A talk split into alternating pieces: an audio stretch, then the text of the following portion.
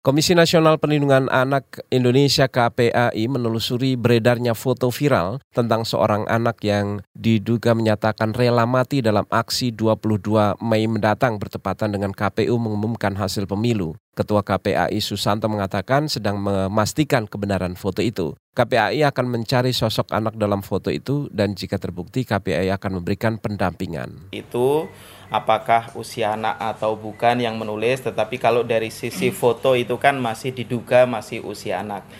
Tentu kita sedang berproses mendalami di mana juga letaknya e, hal itu juga terjadi. Ini sedang dalam proses pendalaman. Itu tadi saudara Ketua Komisi Perlindungan Anak Indonesia KPAI Susanto. Hari ini KPAI mengundang pendukung Joko Widodo dan pendukung Prabowo Subianto untuk membahas foto viral tersebut. Perwakilan dua kubu mengklaim tidak mengetahui sosok dalam foto itu. Pertemuan menghasilkan tujuh poin kesepakatan, salah satunya untuk mencegah pelibatan anak dalam aksi politik.